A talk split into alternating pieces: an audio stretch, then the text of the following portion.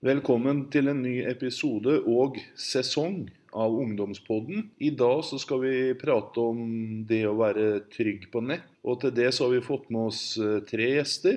Velkommen. Jeg heter Fakta, og jeg er jo her fordi jeg skal liksom representere eh, ungdomsrådet, da, for jeg er jo leder derifra. Og i tillegg til det så har vi jo også jobbet med mye angående akkurat dette her innenfor ungdomsrådet også.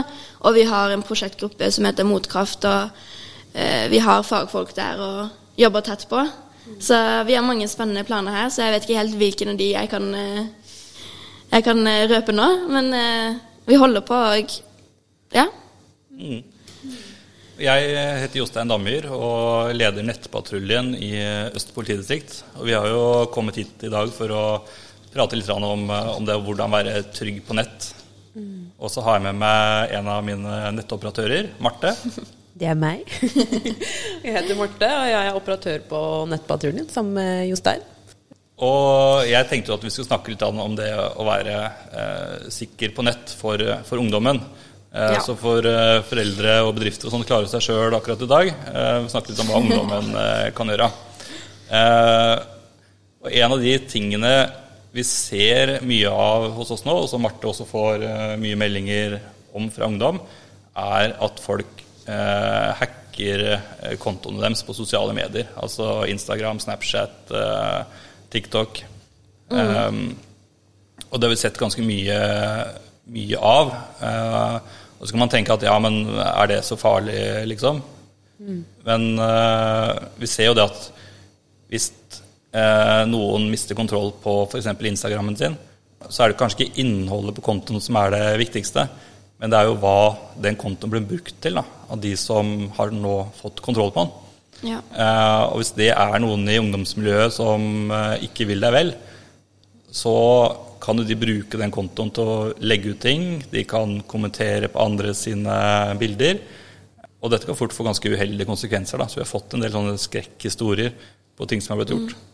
Nei, men det, det kjenner jeg igjen. Sånn, I hvert fall i det siste så har det vært en veldig mange som har blitt hacket på Instagram og blitt liksom sendt masse greier på eh, privatmeldinger til folk. Jeg vet ikke om noen har meldt det til dere ennå, men eh, det har vært et problem i det siste i hvert fall. Men det spørs jo så litt sånn hvilken sosiale medier vi snakker om. Sånn type Instagram så er det kanskje ikke innholdet så farlig.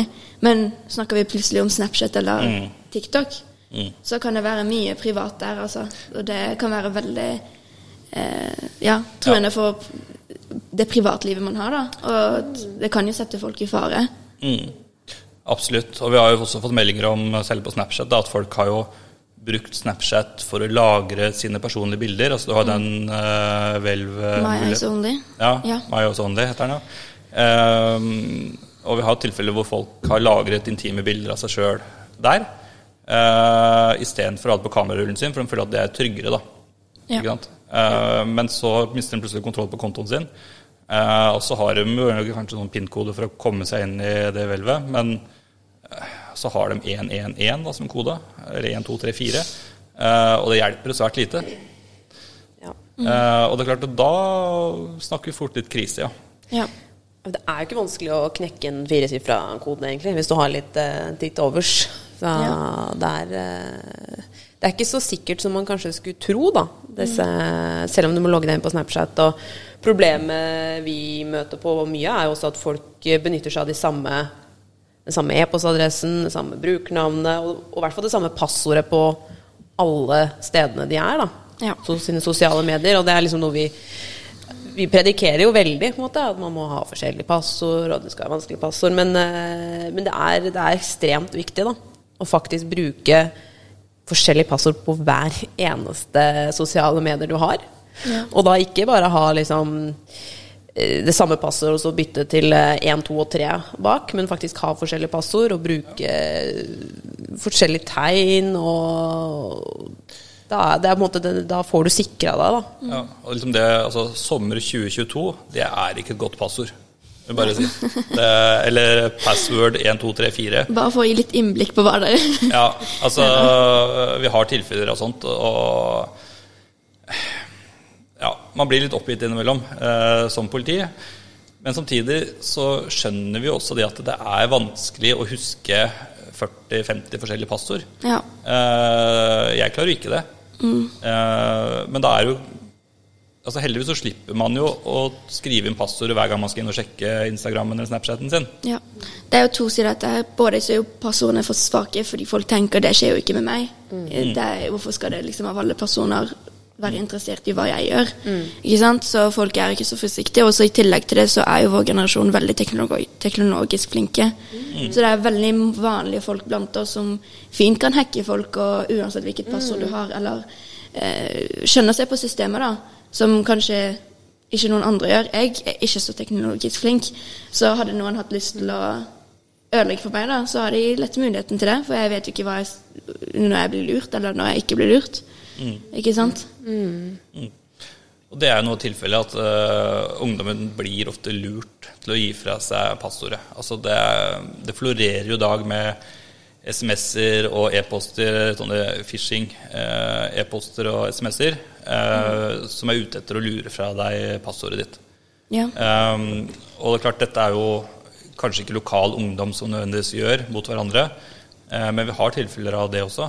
Um, så ungdom som er litt teknologiske av seg sjøl, og som er litt interessert i sånn datateknikk og litt sånn hacking og, Ja. og sånt, de finner metoder, og så klarer de å lure eh, til seg passordet til den hotteste jenta i klassen. Og så blir boys will be boys, holdt jeg på å si, og så går det galt. Ja. Um, Ja, men jeg tenker det er jo Et greit skille er jo mellom det som ungdom gjør mot hverandre innad i på en måte vennegjenger eller skole, eller sånn, og så har vi jo det som er på en måte eh, profesjonelt, som gjerne kommer fra f.eks. utlandet, da, eller av litt mer sånn profesjonelle aktører. Så nevner jo Jostein det som heter spoofing, hvor man eh, Som egentlig er det at man sender eh, Man kan sende en melding, f.eks. Så hvis man har disse de, systemene som gjør at man kan spoofe, da, så kan man sende en melding fra et annet nummer.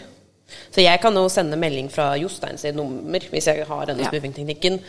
Eh, og da det er det kjempevanskelig å oppdage. ikke sant? Man blir sånn bombardert med det. Og vi har sett uh, veldig mye av det. Det har vært mye. altså. veldig mye. Ja. Hvordan skal man liksom navigere rundt i det når man plutselig får du melding fra DNB, og så får du melding fra Telenor, og så får du en melding som faktisk er riktig, og så får du en melding som er falsk, og så er her er det link. Altså sånn, Ja. Man må være på hele tiden, da. Så, øh, så, og så har du måttet navigere det med at, du må ha, at det kan være noen i vennegjeng. Altså, det er kjempevanskelig. Må, og så skal man forholde seg til at man skal leve med disse sosiale mediene også. Så det er uh, utfordrende, altså. Eh, Man skal ha tunga rett i munnen og bare være forsiktig. Men samtidig så er det ikke så Nå blir det sånn svartmaling og sånn, men det er ikke så mange ting man trenger å gjøre, egentlig. Det er å ha disse passordene og bruke totrinnsverifisering. Og da har du gjort veldig mye. Ja. Da har du sikra deg ganske godt. Og da, eh, hvis, eh, sånn som disse sånn profesjonelle aktørene da, eh, møter på folk som har eh, sikra seg sånn, så er det liksom sånn Ok, dette bruker vi ikke tid på. Da bruker vi heller tid på, eh, på de som er lettere å lure, da. Så det skal ikke så mye til. Eh, og totrinnsverifisering får du jo Det er jo bare en app som du må laste ned, på en måte. Ja. Så det er jo ikke Det er, det er enkelt å sikre seg. Ja. Vi kan jo ta to år om hva totrinnsverifisering faktisk er. Eh, du, det, det, er jo det er noe veldig viktig, og det er liksom, sånn vår hellige gral at vi prøver å få spesielt ungdom til å aktivere det på sine sosiale mediekontoer, for da er de eh, i bunn og grunn sikra mot sånne både profesjonelle angrep og eh, amatørmessige angrep fra, fra andre ungdommer. Eh, og det er rett og slett at når du logger på eh, på en ny enhet, om det er en PC eller en mobiltelefon, eh, så i tillegg til å legge inn passordet ditt, så må du også oppgi en kode, en engangskode. Og den koden får du fra en app du har på telefonen din. Om det er Google Authenticator eller Microsoft Authenticator. Altså dette er gratisapper eh, som du kan laste ned. Eh, og så oppgir du da den eh, koden. Og det er jo ikke noe du må gjøre hver gang, sånn som i nettbanken f.eks. Det er jo bare den ene gangen når du logger på på ny enhet. Eh, så det er ikke så veldig mye styr å ha det. Eh, og aktivering av det, det gjør man jo da inne på eh, Instagram eller Snapchat eller hvem konto du er på. Eh, og det er jo litt forskjellig framgangsmåte på alle disse om hvor du finner liksom, aktiveringsknappen. Men der eh, vet jeg at ungdommen de er gode på YouTube og, og Google, så de, dette klarer de å finne ut hvis de eh, ønsker det. Jeg vet i hvert fall at de fleste i min sirkel, jeg er jo 17 år, har det på plass. Men nå tenker vi kanskje litt yngre generasjoner også, kan jo ha litt vanskeligere for å vite om sånt, eller vite hvordan man gjør det, eller forstå hvorfor man skal gjøre det. Altså, jeg har jo tro på at ungdommen klarer dette her hvis den bare blir informert om at det er smart. Ja, jeg er helt enig. Eh, og det er liksom alle de som tar kontakt med oss, som har fått kontoen sin hacka, de har ikke hatt totrinnsverifisering. Vi spør alltid om det, eh, fordi vi er litt nysgjerrige på om hva slags eh, eh, metode er brukt for å komme inn på kontoen din. Mm. og jeg tror i hvert fall, jeg har aldri hørt om noen som hadde totrinnsverifisering. Nei. Det, vi har aldri, så lenge jeg jobba nede på Durlund, opplevd at noen som har hatt totrinnsverifisering, har blitt hacka. Sånn at, og det tenker jeg sier litt, da. Ja. Ja. Så det, og, og da et godt passord. Eh, og så kan man tenke at ja, men jeg har aldri fortalt passordet mitt til noen, så jeg kan jo bruke det passordet overalt. Men ting er at det hender at det er lekkasjer fra firmaene, og kanskje ikke de store, sånn som Snapchat og Facebook og sånt, men fra andre litt små nettbutikker og andre steder, så lekkes det eh, passordlister. Ja. Eh, og har først disse mm, passordene havnet på avveier, så er egentlig passordene ubrukelige. For da brukes de i sånne mm, automatiserte systemer, da, slik at den gjetter på passord, og så kan en, en PC kan gjette mange tusen passord i sekundet. eh, og da klarer de å knekke kontoen din. Da. Ja. Jeg fikk for ikke så lenge siden lært om eh, Det var noen som viste meg at jeg kunne sjekke på en sånn nettside som var litt trygg, da, at om jeg hadde fått noe lekkasje på mailen min eller passordet mitt. Eh, og hadde jeg ikke blitt fortalt det, så hadde jeg, jeg har aldri hørt om det fra noen andre.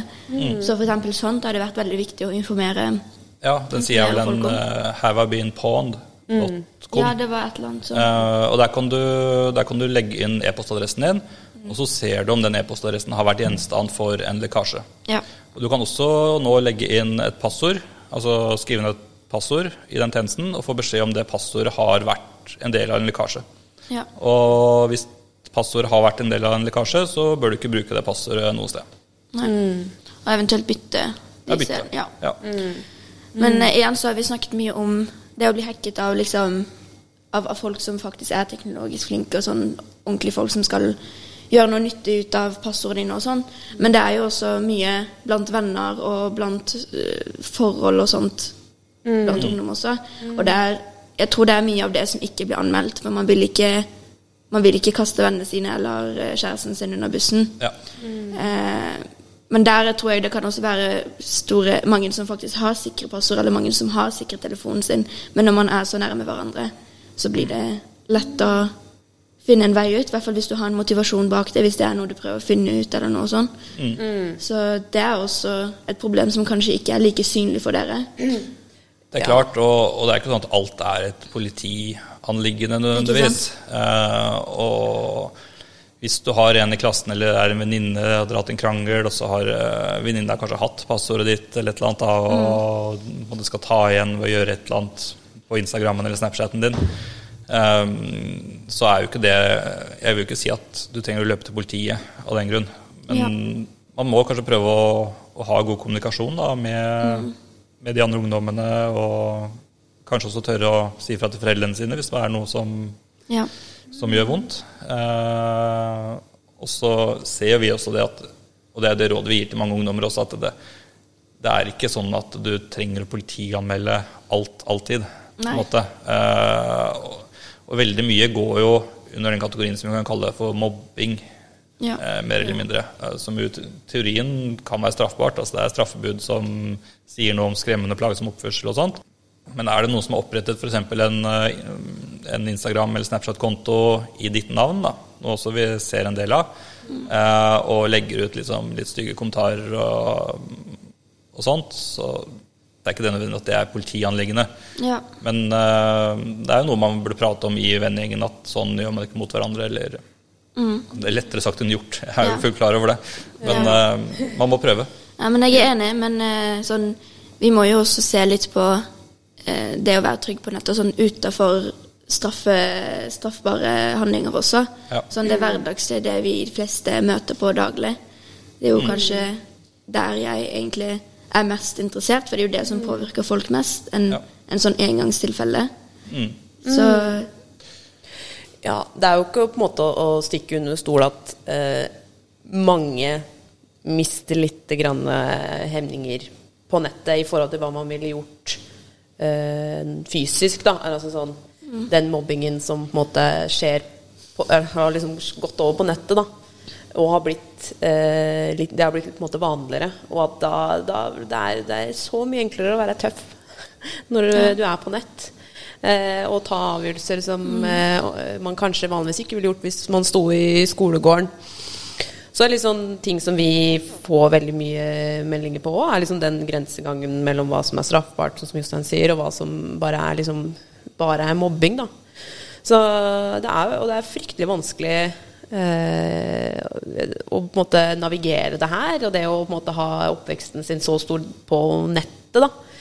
Eh, og det er ikke alt man faktisk kan sikre seg for. Altså hvis man får, eh, mister telefonen sin, f.eks., Ja. så får du på en måte ikke Det kan vi ikke hjelpe deg. Altså, du kan ikke sikre deg mot å få stjålet telefonen din, annet enn at du må ta godt vare på den. Nei. Så man bør jo kanskje også ta en, noen runder og tenke på hva man faktisk har på telefonen sin òg. Eh, at man kanskje ja, ikke bør ha alt på telefonen. Det, men det er jo veldig vanskelig, da.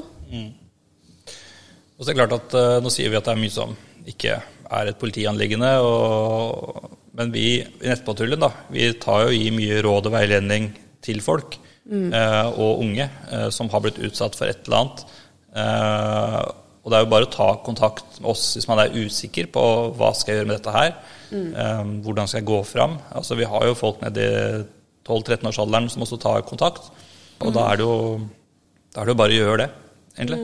Ta kontakt med, med oss på Nettpatruljen, selv om altså det å ta kontakt med oss er ikke likestilt med å anmelde noe. Eh, så vi, vi gir råd og veiledning og kan eh, fortelle deg hvordan du kan prøve å få tilbake kontroll på Instagram-kontoen din eh, uten å gå på en måte via noe anmeldelse eller noe sånt. Da. Ja. Ja. Jeg vil mye heller at uh, vi får en melding for mye som vi sier sånn dette, dette kan vi dessverre ikke hjelpe deg med, men vi kan gi deg noen gode råd på veien. Og jeg vil mye heller snakke med en uh, som, kom, altså, som har oppretta en falsk konto fordi at det er uh, enklere å snakke med oss på den måten. da Og at de faktisk sender oss melding. Det er mye bedre det enn at de lar være.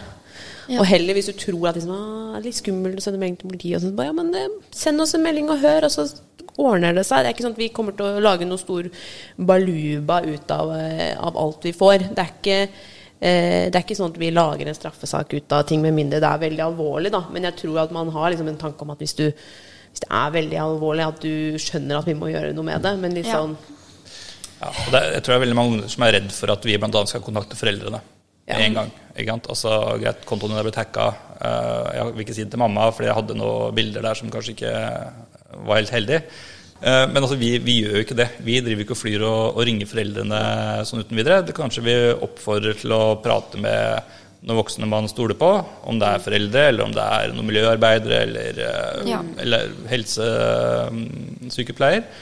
Um, men, men det er jo helt frivillig for ungdommen om de vil følge de rådene eller ikke. Vi, eh, vi eh, si, blåser ikke i fløyta og, og ringer foreldre. Da, da skal det være alvorlig. Ja. For å si det sånn, Ja, da, det, er, det er kjempebra, det høres bra ut. Bare håper at folk faktisk vet dette her. Fordi det er jo mange som på en måte ikke helt vet hvor grensen går, eller hva som egentlig skjer ved visse Det er jo ikke sånn at eh, eh, alle på ungdomsskolen og videregående har hatt rett, studerer rettslære akkurat. Så vi vet jo ikke helt hva, hva er lov, hva er ikke lov. Og ha, gjøre det litt tydeligere for ungdom det som gjelder oss, da, sånn at vi vet ikke hva, hva skjer hvis jeg anmelder dette nå, liksom. ja. Så tenker jeg at det har vært altså Hvis ungdommen følger med i media og på foreldremøter og alt sånt, det, det er veldig svartmaling ofte, føler jeg, på hva på en måte, ungdommen må gjøre og ikke gjøre på nett. Eh, sånn som bildedeling, eh, mobbing, eh, slåssvideoer. Altså det, det er så mye, da, så jeg tror ungdommen ofte blir redd eh, for at de har gjort noe gærent. Uh, og vi har jo ungdommer som, uh, som har fått nakenbilder bl.a. spredd av seg, uh, som er redd for å kontakte politiet eller foreldrene fordi at de føler at de har gjort noe ulovlig sjøl.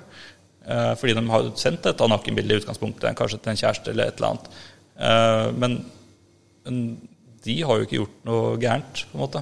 Ja, Det er jo de som har spredd det videre. Absolutt. ja. Jeg tenker Vi eh, får jo veldig mye, veldig mye meldinger, og veldig mye forskjellige meldinger. Og eh, jeg tror også mange er redd for å på en måte bli dømt. da. Sånn, vi, vi dømmer ingen. Vi har forståelse for at det er utfordrende å eh, navigere eh, sosiale medier opp i liksom, det å, å, vokse opp. da. Sånn at eh, Det er ikke noe sånn at eh, det å sende Hvis du har opplevd at noen har spredd nakenbilder eller slåssevideoer eller noe som er sånn, Det er ikke noe som vi tenker er, er gærent. da. Vi kommer ikke til å anmelde, vi kommer ikke til å lage noe stor greie ut av det. Altså Mest sannsynlig så kommer vi jo til å be vedkommende snakke med foreldrene sine, eller sånne ting, fordi at det er godt for hodet, på en måte, å ha noen å prate med. Ja. Vi er veldig opptatt av den, den psykiske belastningen da, det kan være for ungdom. Spesielt hvis de da har eh, en konto på avveier eller noen bilder. Eh, mm. eh, og det kan være veldig stor psykisk belastning for ungdom. kjempetøft. Og, Jeg tror absolutt det er relevant å ta litt inn sånn det psykiske bildet inn i alt dette også. For det er jo Vi kan jo si at veldig, veldig mange av den alderen vår sliter med psykiske problemer. Mye mer enn det har vært noensinne før. Så det må jo ha noe kobling med eh, tydelige forskjellen fra før og nå, altså sosiale medier. Og det er jo litt vanskelig å forklare til utsiden noen som ikke er i det miljøet selv, men det er, det er veldig mye. Altså det er liksom mer enn stress enn det vi har i hverdagslivet, vanlige livet vårt. mm. altså, vi er jo veldig opptatt av, av akkurat det, åssen det går med ungdommen som tar kontakt med oss. Eh, og vi har jo ungdom som har vært utsatt for eh, seksuelle overgrep og sånne ting også. Ja. eh, som tar kontakt eh, og ikke har snakket med noen voksne om det de har opplevd. Eh, og da er jo ikke vårt, vårt primærmål er jo ikke å ta og straffe de som står bak nødvendigvis. Altså, vi er jo ofte opptatt av at det går bra med ungdommen, og at ungdommen får den oppfølgingen de trenger. Eh, og veldig mange er jo da redd for å ta kontakt med foreldrene sine. Da, for at, eh, det er jo veldig tabubelagte eh, temaer, gjerne. Ja. Eh, men det å, å, få dem til å kunne snakke med en miljøarbeider eller helsesykepleier eller lærer, altså en eller annen da, som på en måte kan ivareta dem, det er vi veldig opptatt av. da. Ja, men vi er kjempeheldige som har noen som faktisk fokuserer på den siden også. For det er liksom enten ingenting eller så opp i tusen og veldig alvorlig situasjon plutselig. Så det er Ja. fint å ha litt mellomsted der. Ja, det er klart at det, det hender jo eh, i veldig alvorlige ting da, så har vi i politiet også en handlingsplikt. Altså Hvis en ungdom tar kontakt og forteller at uh, faren utsetter dem for seksuelle overgrep, Ja. så stiller ting seg litt annerledes igjen, bare så folk er klar over det òg. Altså, vi er ikke en eh, vi, er, vi er politi, og vi har handlingsplikt når det er veldig alvorlige ting, da. Ja, selvfølgelig. Det, Det bare, bare bare, bare nevne det også. Ja. ja. Nei, det er litt sånn, vi er litt sånn i mellomsjiktet ofte, da. At vi eh, opererer Vi får inn ting som er veldig alvorlig, og så får vi inn ting som er litt sånn Oi. Noen folk er liksom sånn Ja, noen kaller meg stygg på Instagram. Ja. Um, ok. Og som er jo, vi har sånn full forståelse for at det er eh, belastende, men så er vi mest liksom i sånn mellomsjiktet, da, hvor vi får inn veldig mye sånn Vi får inn masse sånn eh, falske kontoer på Instagram, og vi får mye liksom litt sånn gråsone, stygge meldinger og ting som er liksom sånn, sånn hvor, hvor det er vanskelig å gi noe Det er ikke alltid vi kan gi noe sånn konkrete råd heller. Eh, annet eh, så, så, Og det er, det er det som er vanskelig på, på nettet òg, da. At eh, det, er, det er vanskelig å gi noen sånn skikkelig, skikkelig gode råd. Syns jeg. Ja. Det opplever jeg i hvert fall. Ja. Det spørs jo veldig fra liksom, situasjon til situasjon. Ikke sant? person Situasjon. person. Og de du møter òg. Altså, noen er jo livredde, og ofte så er det jo det også man er livredd for å, å si fra til mamma og pappa. Da. Det er liksom Det er skummelt. Det er høy terskel for mange. Ja, det, og da, er det, da vil jeg heller at du sender en melding til oss, og så kan vi prate litt om det. Og så kommer jeg garantert til å si at du må snakke med, prøve, prøve å snakke med dem. Og så tror jeg kanskje at, man, eh, at mamma og pappa eh, kommer til å sikkert til å bli litt sånn Oi, det her er jo ikke helt bra. Men at hvis man At man, eh, at man får forståelse da, fra, fra dem. At de forstår det kanskje litt mer enn det eh, man tror. Men at det er kjempeskummelt, fordi at man eh, har på en måte drite seg litt ut, kanskje. da Eller man tror at man har driti seg ut, så, og så har man egentlig blitt utsatt for noe som er straffbart. F.eks. noen har delt nakenbildene dine. da Det er straffbart. Men så tror man kanskje at man har gjort noe galt selv. Eh, Det er fordi da, man tok de bildene i utgangspunktet. ikke sant? Men da, da, da, da Jeg tror at eh, de fleste vil få seg en overraskelse hvis de faktisk tør å snakke med foreldrene sine om det. da At det er eh, at de har forståelse for hva man går gjennom. Jeg tror at det er veldig, veldig lurt, da. Ja. Det er også en sånn råd. Håper de fleste foreldre er sånn, i hvert fall. Men eh, så Ja. er det noen foreldre som Selvfølgelig. eh, ikke er helt slik man skulle ønske foreldre var. Ja, og det er derfor vi også så Vi ringer ikke foreldrene uten tillatelse fra ungdommen. Ja. Mm. For ungdommen altså Vi vet at det er foreldre også som eh, ikke reagerer, nødvendigvis reagerer på, på den måten de burde. ja. Eh, så det Det er vi aldri på en måte gjør noe uten tillatelse, med mindre det er veldig straffbart. da Det vi, Som du sa i stad, Ja. Ja. Så det er ikke sånn at vi kommer til å lage noe sånn som jeg har sagt flere ganger, at det kommer ikke til å, vi kommer ikke til å iverksette noe kjempestort hvis man eh, sender oss en melding. Med mindre ungdommen ber om hjelp, da. ja det, er, det, Det er jo en annen sak igjen. Ja, altså, det kan være at ungdommen uh, virkelig ber om hjelp. Uh, kanskje ikke tør å ringe eller snakke med foreldrene sine selv. Eh, og vi har jo situasjoner hvor, hvor vi har avtalt at eh, politiet faktisk skal eh, ringe foreldrene og informere om eh, det ungdommen har vært utsatt for. Ja. For at ungdommen klarer ikke å på en måte komme til selv. da, Det å finne den settingen hvor den kan ta opp det problemet man er i. Ja, det er ikke lett. Eh, Så kan det være at- at politiet er den som river av det plasteret, for å si det sånn.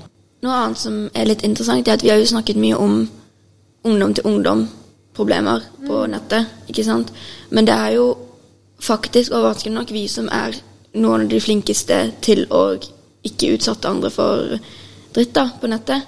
Så det er jo så mye, i hvert fall hvis vi ser litt på andre sosiale medier, ikke på TikTok akkurat, men f.eks. på Facebook eller Instagram også, kan være en plattform for ganske mange voksne som har veldig mye vondt i hjertet, som tar det ut der. Så det tror jeg også kan gå veldig hardt utover ungdom, selv om det ikke er direkte siktet mot dem. For eksempel, jeg er jo, jeg ser jo ikke folk som er på podcasten, men jeg går jo med hijab. eh, og det er jo eksempel mye som har vært på Facebook og Instagram, som mange som har kanskje noe litt på hjertet som ikke tør å si det høyt. Og så legger de ut masse dritt på nettet og veldig stygge kommentarfelt og sånn. Og jeg vet i hvert fall at når det handler om ting som er mot meg, så kan det gå litt dypt inn på meg. Og jeg vet at andre saker kan jo også gå inn på noen andre ungdommer når det gjelder noe annet. Mm. kan si at vi, vi ser jo mye av dette. Altså det er veldig toxic eh, kommentarfelt og Ja. mye eh, i alle retninger. Og både å si, vi, vi har vært litt involvert i ulvedebatt og sånne ting også. eh, som på er en litt annen Ja. litt annerledes enn en dette som går på, på rasisme. Eh, men vi ser også der at det er, særlig voksne eh, sliter med å oppføre seg eh, på nett. Eh, og vi har hatt en del foreldremøter også. Vi har, vi har slengt opp noen sånne kommentarer da, på, på en powerpoint. eh, med sånn 'gå og heng deg' og, og masse sånne stygge kommentarer. Eh, og så spør vi liksom eh, foreldrene Janne, hvem er det som skriver sånt. da? Og da blir sånn foreldrene ja, det er ungdommen, og ungdommen er så fæl. Men det er jo ikke det. Dette er jo voksne som skriver dette her. Så de verste tingene og kommentarene på nett som vi kommer over, det er det voksne Ja. Som skriver. Heldigvis så har vi jo liksom mye av skolesystemet vårt og sånt har jo tilpasset seg litt mer hverdagen vår. Vi har jo mye om å være kritisk på nettet, mye om å nettverd, liksom Selv om det er noen dårlig, så er det mye bra også. Så Som har satset på at vi skal vite hva vi driver med på nettet. Ja. Og det er jo kanskje ikke den eldre generasjonen fått. Nei, Så de mangler jo litt kompetanse der, og jeg vet egentlig ikke hva løsningen kan være. Nei, altså jeg tenker det du sier der er kjempeviktig. Det at ungdommen i dag får opplæring i selv det med kildekritikk. Å være kritiske til det man leser. Hva, hvor kommer dette fra? Eh, hvorfor får jeg det servert i feeden min? Eh, for du har jo sånne algoritmer og sånt eh, på Facebook og Instagram og Ja. TikTok og alle disse her som eh, kan dra deg ned i litt sånn sort hull. Eh, enten om det er eh, gå på gå på rase eller ulv eller eh, altså miljø eller hva det skal være for noe, da, så, så kan du bli fanget opp i sånne algoritmer som bare forsterker ditt inntrykk hele tiden, mens du aldri får se eh, motpunktet. Der tror jeg ungdommen har et stort potensial til å bli mye bedre enn dagens voksne generasjon. Da. Ja, Eh.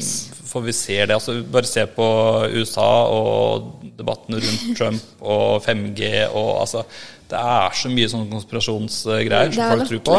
Eh, så, så det er viktig for dagens ungdom å være litt kritisk til det man eh, leser på nett.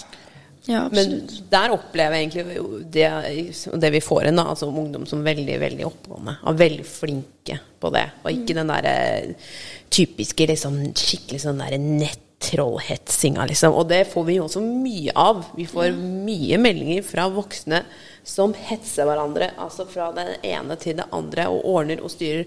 Og det er så Det må jeg si at det er sjelden at det er ungdom, altså.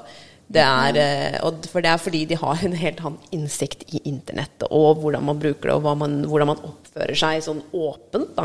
Ja. Det er mye mer sånn skjult på, med ungdom. Litt mer sånn da, på lukkede grupper eller på Instagram og Ja. Snapchat og TikTok og sånne ting. Jo da, der kan det gå litt høyt. Der går det jo hardt sånn for seg. offentlige innlegg Ja. Så er ikke det så mange ungdom som tar seg tiden til å krangle med noen Nei. Nei. eh, de ikke kjenner engang, og gi dem dødstrusler, liksom. Ja. Og det er jo litt den du var inne på, sånne ja, offentlige Facebook-grupper og sånt, da, hvor kommentarfeltene er helt hinsides innimellom.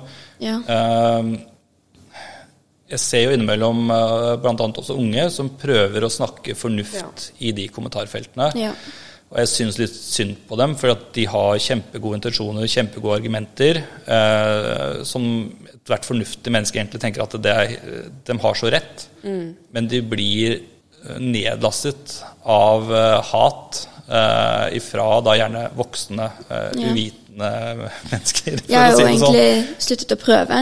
Sånn, eh, jeg vet jo at mye av det er skreddersydd til akkurat hva jeg hadde reagert på på feeden min. Ja. Eh, ofte på motsatt side av min egen mening. Ja. Sånn at jeg blir litt eh, opphisset av det, da. Ja. Og i starten så ble jeg liksom gikk gjennom alle kommentarene og ble sånn skikkelig dårlig. Og hvordan skal jeg, hvordan skal jeg forklare, få disse menneskene til å forstå at de tar så feil? Eh, men etter hvert så bare gir man opp og tenker at de her har gått i et svart hull, og at disse her voksne mennesker som jeg som 17-åring ikke skal ta ansvar for at de skal, de skal handle rett, liksom. De Og det, det er jo veldig synd uh, altså du, du har rett i det du sier, men samtidig så er det jo veldig synd. Uh, og man kan tenke på, på ytringsfriheten, og, og skal man la disse stå umotsagt? Uh, og jeg mener jo egentlig ikke det. Altså, jeg mener jo at noen burde si imot dem, men det er kanskje litt vel tøft for en ungdom å, å ta den eh, å ta den på nett. Altså Kanskje man faktisk burde se litt opp fra mobilskjermen igjen og ta heller den fysiske ja. Altså det å, å møte i debatter i den fysiske verden Ja. eh, kan ha mye mer for seg. Å snakke med mennesker som er normalt oppegående. Det Ja, ikke sant? kanskje litt stygt å si, Ja. men eh, Men det er faktisk overraskende hverdagslig oppegående folk som holder sånn på nett. For jeg, liksom, jeg har fulgt folk på Facebook eh, Det er ikke så mange unger som er aktive på Facebook, men det er et lite unntak. Um, fulgt folk på Facebook eller sånn felles venner og sånn, som jeg kjenner i virkeligheten har vært kjempehyggelige mot meg. Og så plutselig så vet de kanskje ikke så mye om hvem som kan se det de legger ut på Facebook. Og da plutselig så får jeg se en helt ny verden, og da er jeg sånn Å ja. og så da tenker jeg liksom ofte sånn Jeg har jo lyst til å møte folk der de er, og møte folk litt i midten, og ikke liksom gå fullt på, for da vil jo ikke de ta imot noe kritikk hvis jeg bare angriper dem. Eh, men det er vanskelig å finne være den modne når den andre personen ikke er så villig. Ja. Så det er jo kanskje når man ser at det da, de andre ikke er modne, da, og det går eh, til personangrep istedenfor sak, Ja. eh, at man kanskje også skal være den voksne altså, Som ungdom være den voksne eh, og bare ja, trekke seg fra. Kanskje merke at dette innlegget og det kommentarfeltet vil jeg ikke ha varsler om lenger. eh, og så bare gå, gå videre. Ja, jeg er helt enig.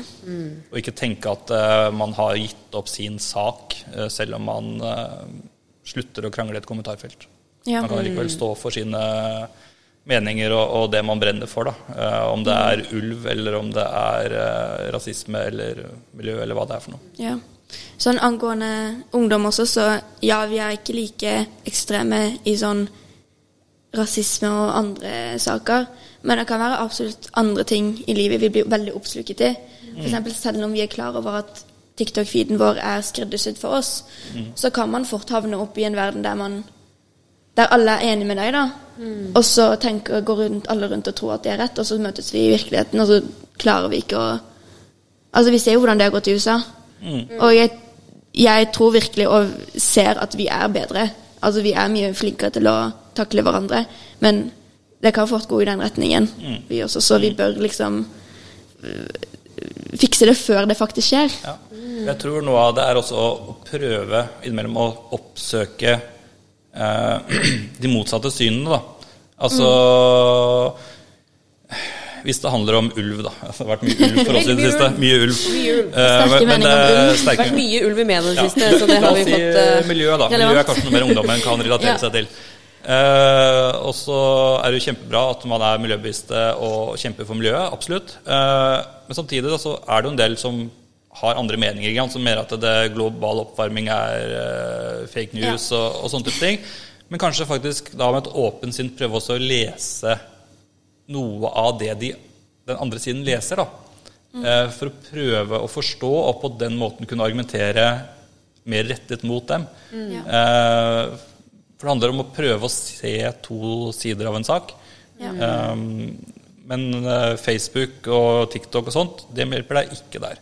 Sant? For at de mater deg bare med det synet du allerede har. Eh, så skal du se det andre siden, så må du aktivt lete etter artikler og sånt om det. Ja.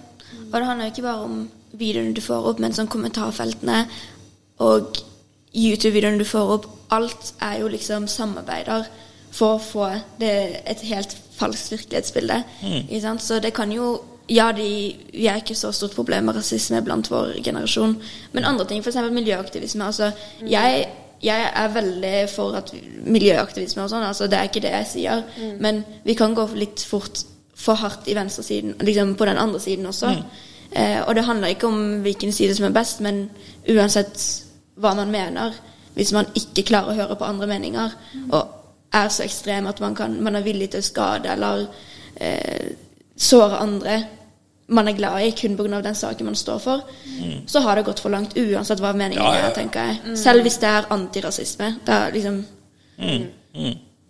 Absolutt. Så yt ytterkanten av alle debatter, eh, holdt jeg på å si, eh, kan jo ha feil.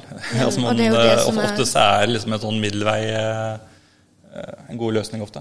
Ja, og så er det litt sånn som du Det har jeg tenkt mye på, da, som Jostein fortalte til meg da jeg begynte på nettpatruljen. er jo Sånn, vi må på en måte huske at vi, når vi er på nettet, da, på Facebook, Instagram, at vi er på en måte produktet.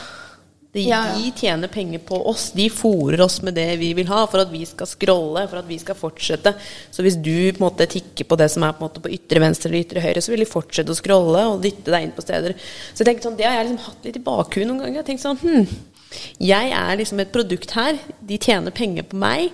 Må jeg prøve å tenke litt mer kritisk på hva jeg faktisk gjør, hva jeg trykker på. Og da kan du liksom også se at det blir sånne endringer i det. Altså, jeg får ikke opp like mye kattevideoer lenger, jeg vet ikke. Nei da, det er bare Det er veldig men- sensitive temaer dere snakker om. ja, veldig. Ja. Nei da, men det, det, er, eh, det er faktisk veldig greit å ha i bakhodet. Jeg merker at jeg opererer litt annerledes på nettet etter at jeg har blitt oppmerksom på det. For det har jeg faktisk ikke tenkt så mye på. At det, alt som eh, du gjør, du er du som er produktet. Det er jo deg de tjener penger på. Ja. Jeg vet ikke om dere har sett det, men det er en dokumentarfilm på Netflix som heter 'Det sosiale dilemma'. Som veldig mange ungdommer har sett nå, så jeg tror det har vekket noe i mange av oss. Å få den litt realisasjonen, da. Eh, og på en måte se at det er jo ikke bare vår feil, det er jo urettferdig å forvente av oss enkle hjerner å gå imot liksom alle planene deres og teknologien deres som er skapt for å lure oss, som er skapt for å tiltrekke oss. Det er jo ikke bare bare å be en 16-åring med utviklende hjerne å kjempe imot det, liksom. Selv voksne er jo ikke utviklet nok til å kunne klare det. Det er jo rett og slett det som jo er oppfordringen da, til, kanskje til ungdommen og på nett, å, være bevisst på det, bare. Eh, altså, bruk, eh, for all del, bruk eh, TikTok og Snapchat og Instagram og alt dette her. Eh, men bare ha et litt sånn mentalt i bakhodet eh, hvorfor får jeg servert så veldig mye om eh, miljøet, f.eks. akkurat nå, eller eh, ha litt sånn kritisk eh, kildekritikk, da. Eh, det kommer man langt med. Vi kan være veldig kildekritiske til nettsider og eh, nyhetssider og sånn, men eh, av egen erfaring i hvert fall så vet vi at vi ikke er like kildekritiske når det er noen på vår egen alder som virker liksom veldig relatabel, da.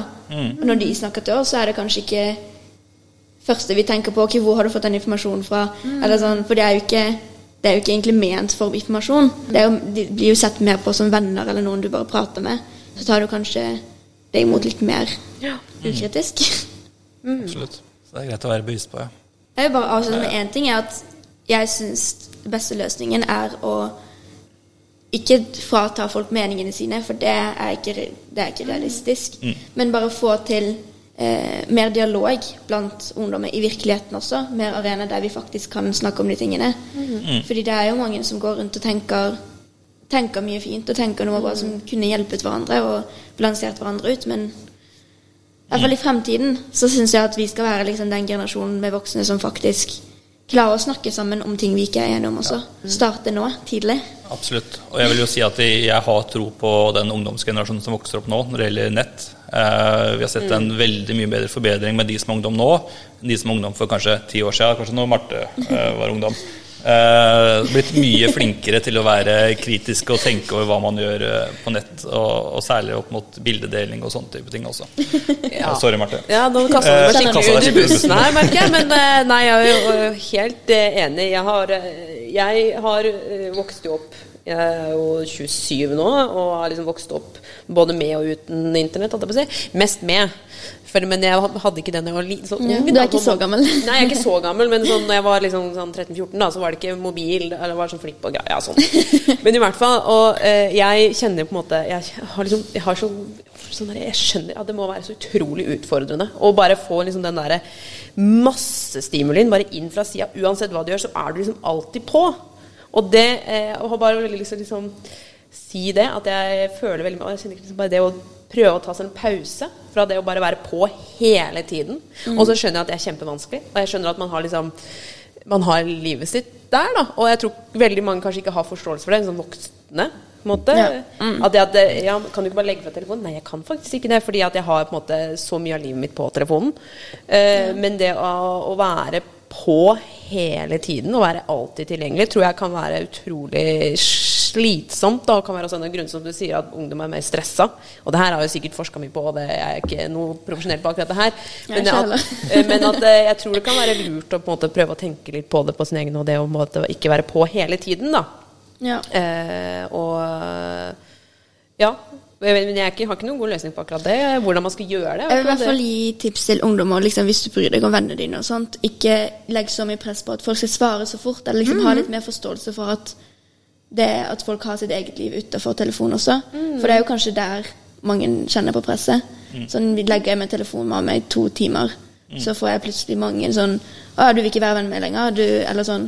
Ikke rett ut, men Ikke sant? eh, de tenker det kanskje likevel. Det burde vært en sånn funksjon på sånne direktemeldinger at, eh, at man kunne sette på en modus som at eh, nå eh, har jeg skjermfri tid, eller et eller annet Det går faktisk. Går. Det er eh, sånn at ikke, Du tar på telefonen at du ikke skal bli forstyrret, Ja, ja. og da kommer det på alle meldingene, i hvert fall på Jeg vet ikke om på sosiale medier, men vanlige meldinger i hvert fall. Så får du opp 'denne personen er nå Ja, jeg hvilemodus', sett. Jeg faktisk men send melding eh, likevel hvis du vil. Så ja, vi går jo i riktig retning. Det går riktig retning. Ja, for jeg tenker sånn, jeg har jo tenkt noen ganger Hvis jeg opplever det, hvis jeg ikke får svar fra mine venner med en gang, så bare sånn, herregud, de daua, eller hva er det som skjer, liksom? Og så er det bare sånn, nei, hun har, har tatt seg litt fri, liksom. Så at vi må være sånn som du sier, være litt greie med hverandre. Sånn, oi, hun svarer ikke, ikke mas. Bare la hun få litt Ja, fri. få la hverandre liksom Ja. bestemme litt hvor mye fri Ja. hver en trenger. Ikke sant? Fordi, ja, sånn, Jeg snakket faktisk med pappa om det for ikke så lenge siden, at det er ikke så lett å bare legge fra meg telefonen for meg. Bare det å f.eks. Eh, droppe å ta på AirPods og høre på musikk på vei til skolen en dag, er et stort steg for meg. Mens han tenker liksom at jeg skal gå en helg uten å ta på telefonen. Så ha litt realistiske mål, tenker jeg. Realistiske mål, absolutt. Definitivt. Yes. Definitivt. Nei, men skal vi, Hvis jeg skal oppsummere noen gode råd fra oss, da, så er det jo egentlig å fortsette for ungdommen å være kildekritiske. Eh, og tenke veldig over hva du ser på nett, og hvorfor du ser det. Eh, og så gjelder det å beskytte sine sosiale mediekontoer og, og mail og, og andre ting. Eh, gode passord og totrinnsverifisering. Eh, Så kommer man veldig langt. Det høres bra ut. Ja. Jeg også vil bare takke for at, liksom, at vi faktisk får en stemme, vi ungdom også. For det er jo ikke en selvfølge veldig lenge. Men nå har vi liksom faktisk blitt med på sånne alvorlige saker, så det er gøy. Det er gøy. Jeg håper folk tar det på alvor også. Ja.